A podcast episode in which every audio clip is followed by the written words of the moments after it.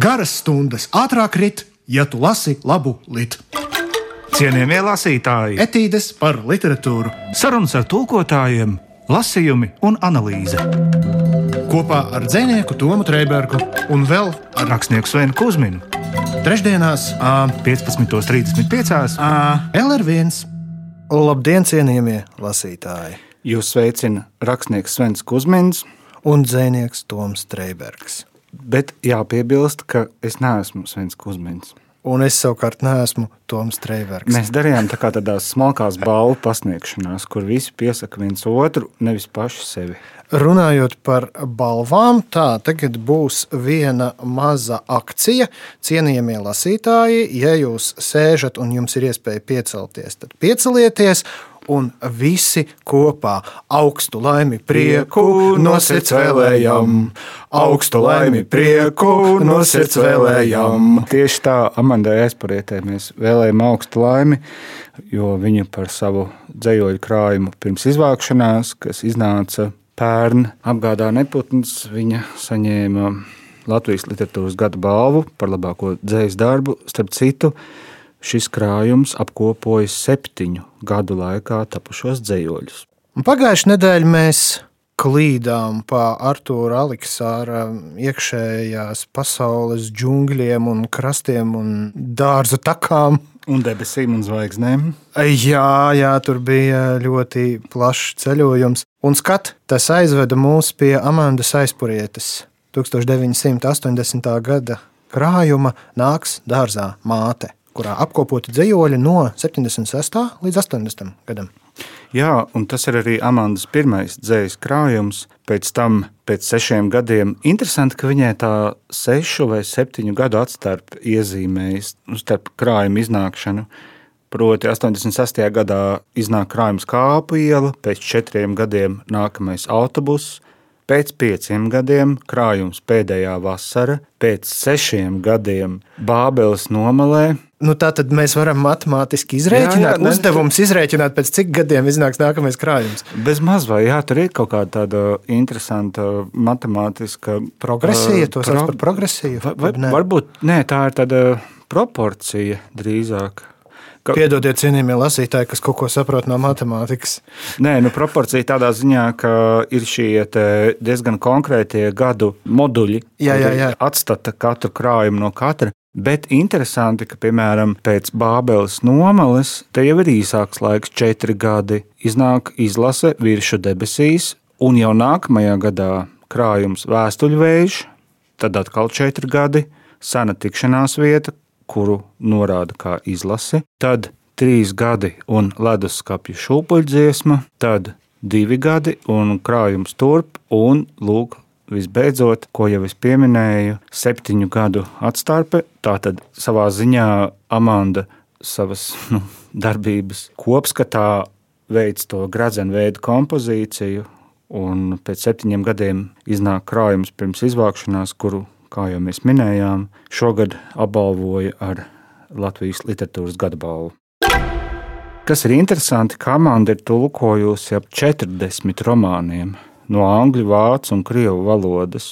Un tas ir viens, bet runājot par dzēju, viņas magnum opus ir tieši atzeja. Un pirms raidījuma, pārdomājot to, kādu dzējoļu krājumu no Amanas izvēlēties, jo mēs abi ar Svenu nolēmām, ka Artura Aleksāra izteiksme atbilst arī Amanas aizpārietas izteiksmē, un starp citu, 2A, 2A. Ja? O, lūk, lūk. uzvārdi, aliterācija ir notikusi. Nu jā, un es paskatījos, piemēram, viņas krājumā nākamais autobuss bija ļoti liela daļa tieši no atzījumiem iekļauta arī. Un mēs jau arī ar tevi esam iepriekšējos raidījumos mm -hmm. runājuši par to, piemēram, ka Māris Salējs savos dzējas krājumos iekļāva savus atzījumus mm -hmm. arī Knuts Skujenieks. Un uh, man liekas, ka tā ir tāda tradīcija, kuru noteikti jāturpina, bet, protams, ņemot vērā autoru individuālo vēlmi. Jā, tas ir īstenībā man šķiet ļoti pareizs pieejams no tā viedokļa, ka tas parāda, kur sniedzas vismaz daļa no tavām dzīslas saknēm. Zinot to, ka Amandai ļoti nozīmīgs ir sudraba laikmets dzējas vēsturē, šobrīd nenosaucot konkrētus autors, bet uzsverot tieši literatūras estētiku, ārkārtīgi izkopto ritmiku un um, ideju, dažreiz, protams, arī piepacelto atveidojumu. Man liekas, ka tieši citu autoru pārzināšana, viņu darbu tulkošana, Amandas dzēju ir padarījusi par autoru, kuru nekad nevajag vest uz servisu. Tā man liekas, jo viņa ir, es nevaru atrast nevienu dzējoli, ne šajā krājumā, un par krājumu pirms izvākšanās nemaz nerunājot, kur man būtu kaut kāda aizķeršanās dzīslas teksta izklāstā, mēs varam runāt gan par stingro strofiku, gan par tā dēvēto fiksēto verlibru, kurā ir iekšējo mm, saskaņu kompozīcija. Jā, līdz ar to arī Artura Aleksāra gadījumā mēs to varam secināt, taču Aleksārs bija tāds kosmogoniskāks, plašāks, un Amanda ir vairāk tāda sakoncentrētāka uz kaut kādu noteiktu fotografijas vai ainas tēlojumu. Bet, protams, arī viņas darbi var aizvest plašumos, un to arī dara. Vai tu pamanīji, cik ļoti viņai bieži atkārtojas šī krājuma ietvaros? Daži konkrēti tēli un motīvi. Nu, tā ka patiešām viņi ir kā tāda, es nezinu, gandrīz vai saistviela, tāda šuve, kas satur kopā arī visu šo krājumu kā kopumu. Viņa tik burvīgi viņa uzrakstīja mazu priekšvārdiņu šai grāmatai, un uh, es nelasīšu visu, bet tas sākas ar vārdiem: Esmu dzimusi Jūrmalā, No mājas, kurā dzīvoju, līdz jūrai ir trīs minūšu gājiens. Tas noteikti ir viens no svarīgākajiem manas biogrāfijas faktiem. Un beidzas ar vārdiem nemēģināšu paskaidrot, kāpēc rakstu, ja tas nekļūst skaidrs izlasot manus dzējoļus, tad tie ir slikti dzējoļi. Un tad, kad es izlasīju šo, pirms vispār ķēros pie dzīsļiem, man likās, oh, tas ir ļoti, ļoti drosmīgs pieteikums. Tas ir kā nu, kaut kādās derībās, kad tu saki, alūks, tagad. Uz visu banku. Nu, ja, ko... nu, ja ne, tad ne. Ja ne, tad nē, tas ir ļoti skaļš pieteikums. Bet godīgs. Jā, un viņš pilnā mērā sevi attaisno. Nu, tur kaut kādi pārpratumi man šķiet vispār nav iespējami. Domājot par kaut vai tās pašas piejūras motīviem. Ļoti labi, ka tu pieminēji piejūru, jo jūra Amandai ir ļoti svarīga. Uh, Protams, arī ņemot vērā viņas dzīvi. Jā, svarīgākais biogrāfijas fakts. Jā, nu, respektīvi viņas dzīves vieta, tā es to gribēju teikt. Bet Un, pie jūras dzīve mana mēs nedziedāsim, mēs jau dziedājām šodien. Mē, mēs to mēs nē. Ja tu runā par tiem motīviem, varētu uzskaitīt arī kaut kādus pāris no tiem, bet es varbūt neminēšu tādus konkrētus izcēlumus vai izrakstus, bet drīzāk es gribētu viņus noraksturot ar tādu intonācijas iespēju. Tur ir ļoti daudz satikšanās prieka, atvadu smaguma vai arī laimīga skaudruma. Tur ir nakts kā tuvības augstākais tātad, realizācijas punkts šīm jūtām, šīm emocijām. Un tur ir arī diezgan daudz ārējās, steidzīgās pasaules novērtējums, bezmaz tā tā būtu tāda mulāža, kur ir nostādīta cilvēka redzes laukā, viņa pieredzē, un vai no Amanda vai Liediskā varone viņas dzējoļos jūt šo tremolo, šo steidzīgo ritmu. Citkārt viņa piekrīt tajā iesaistīties un dzīvot tam līdzi.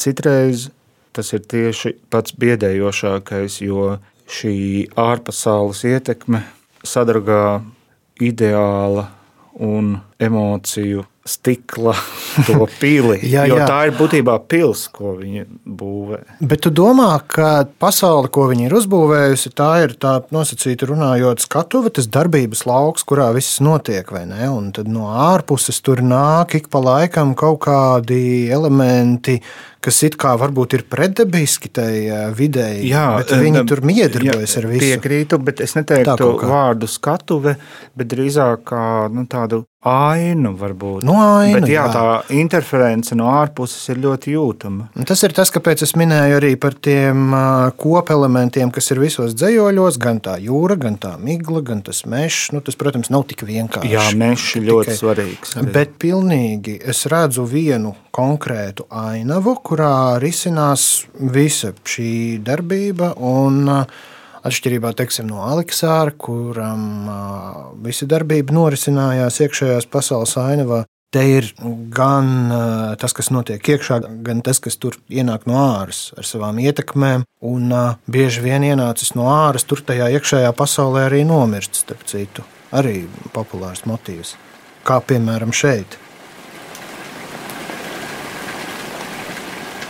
Nepļautā pļavā, mežā pirms malkas cirtējiem, dārzā, kuru lietus un marmora statujas aug, līcī, kur spoku kuģi pulcējas, visās asfalta pļavās, visbeidzot taujāju pēc vīra, kurš pratarēs svilpot kā strasts.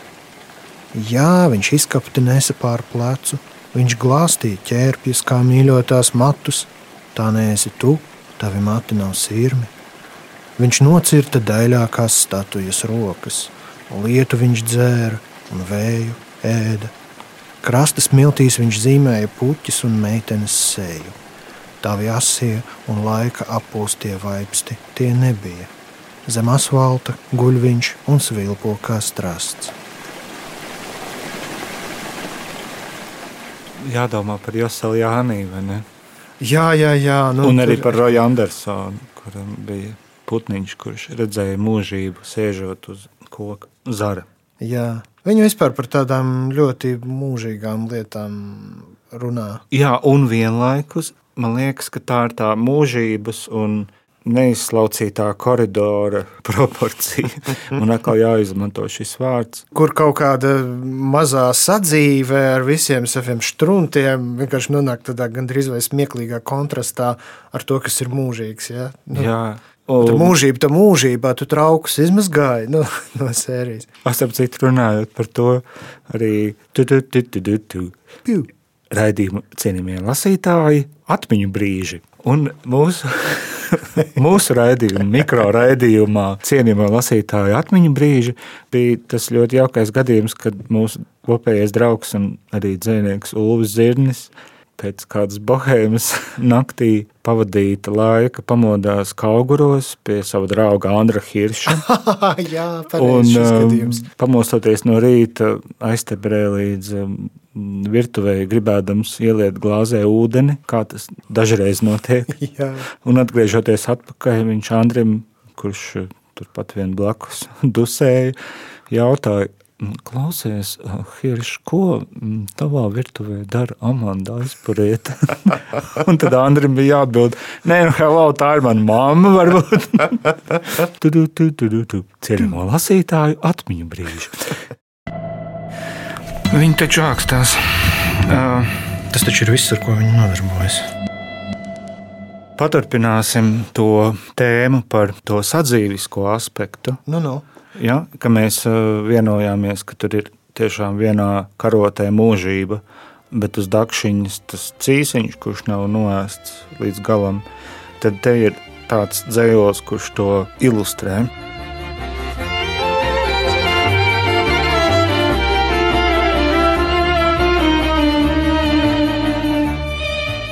Piemirsu ārduļus noslēgt un piemirsu savākt draugiem aizdotās grāmatas un paradumus, kas var pārvērsties nevajadzīgos atgādinājumos, smaidus un klusuma brīžus, kas ieguva jēgu, svešu apziņu straumju apskaloti un tāpēc nogrima tajās par dziļu. Pietiek, aizmirsto mantu saraksts būtu rudens vakara garumā. Telefons iezvanās vienu reizi un apklust. Kādam sametās bail, ka es tomēr varētu klausuli pacelt. Domīga vijola prombūtni manu par lociņu ņem un piespēlē pasaules kaktus ar visu, ko būdama klāt, ne izdzīvot atcerējos, ne izrunāt.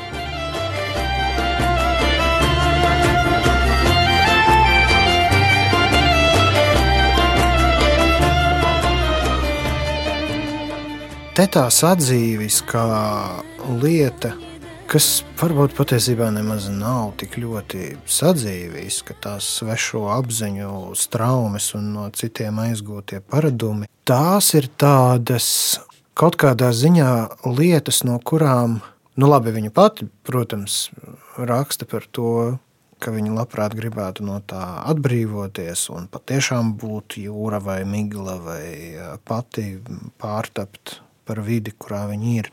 Tā ir tāda tieksme pēc kaut kādas zināmas attīrīšanās droši vien. Tā attīrīšanās, es pat nezinu. Tā kā pēc zipspuldzes, kas tevi apžilbina, lai tu vari atkal sākt redzēt no jauna. À, kas nodzēš vienkārši visu bildi, kas ir bijusi iepriekš.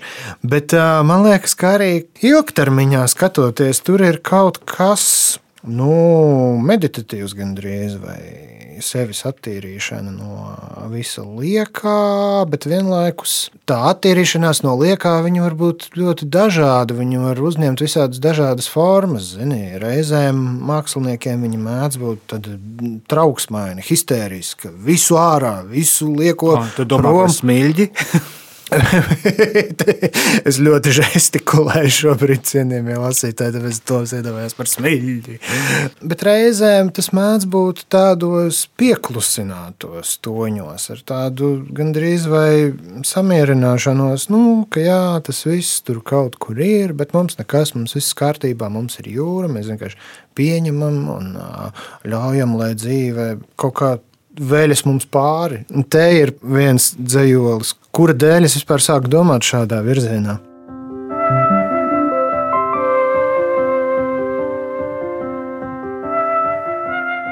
Dzīve ir gara, noteikti pagūšu parādus atdot, vismaz tos, kuri nozīmē naudu un kurus negaida atdodam. Varbūt arī raksturu pagūšu labot, salāpīt džemperi, uzmazgāt grīdu un uzsmaidīt tam, kurš ienāks pa durvīm, kā vienmēr nokavējies, skumīgs par lietiem, kuri ik rudeni ilgāki līst, uzdāvinās man pušķi krāsainu vēju un piespiedīsies pie krāsnes, vecos kaulus atsildīt. Kad atdošu savu parādu pēdējo teikšu, tev it nekad vairs nevajag projām aiziet. Viņš smiesies un sacīs, ka tas ir nežēlīgs joks. Es vecām un mierīgām rokām griezīšu pusdienām maizi.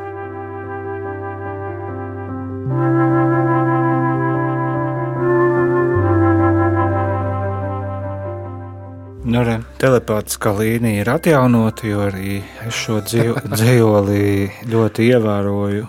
Arī, protams, diezgan labi atbilstoši mūsdienu situācijai. Kaut gan, nu, jāatzīst, mēs jau dzīvojam ar katru gadu labāk un labāk. Bet tas uh, nav dzīslis par ātriem kredītiem. Tu to saproti? Tom, ja? nu, labi, labi, bet nu, tur es esmu drošs, ka tur ir arī bijuši nu, protams, ātrie protams. kredīti fonā liriskajai varonai. Es negribu tagad Amandai kaut ko eh, vēlt virsū, ko man nav tiesība vēlt, bet nu, es runāju par to dzējoļu saturu jā, jā, jā. drīzāk. Bet tur jau ir tas, tur jau ir tas parāds no tāda viedokļa, arī ir ļoti spēcīgs tēls, kuram patiešām ir eh, kā monētai tās divas puses. Ir eh, tā metafizika, kura paredz mm, vienkārši, ka tu vienkārši gribi būt tu pats, un otra puse, jā, no otras puses ir parādi vismaz tie, kas nozīmē naudu. Varbūt par to mūžību.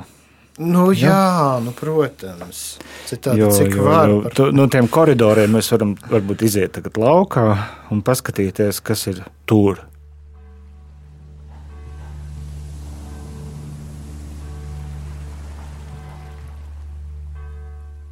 Jūras zvaigžņu sapņi, aļģu nopūtas pāri oranžo smilšu siltumam, izmests krastā burvju gredzens tas, kurš var tapt par māju vai tiltu, vai par lietu bez mākoņa līta, elpot par vārdu, dzējolīs kumjā, es to uzvilkšu pirkstā tūlīt.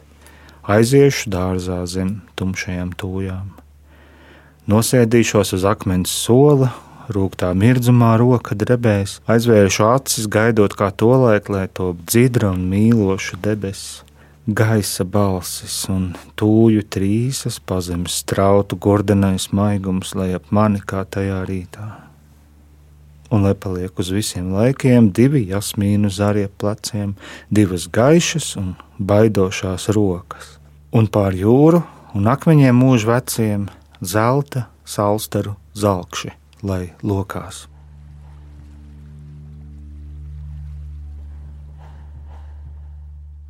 Bet galvenais jautājums, Tom, galvenais jautājums ir šāds. Mēs varbūt savā šī dzīslas krājuma lasījumā daudz ko skatām abstrakti, daudz ko skatām konkrēti, bet galvenais jautājums ir ļoti vienkāršs. Vai tevi pārņem, lasot šādu dzēju, vismaz brīžiem sajūta, ka jā, tu arī tā jūties?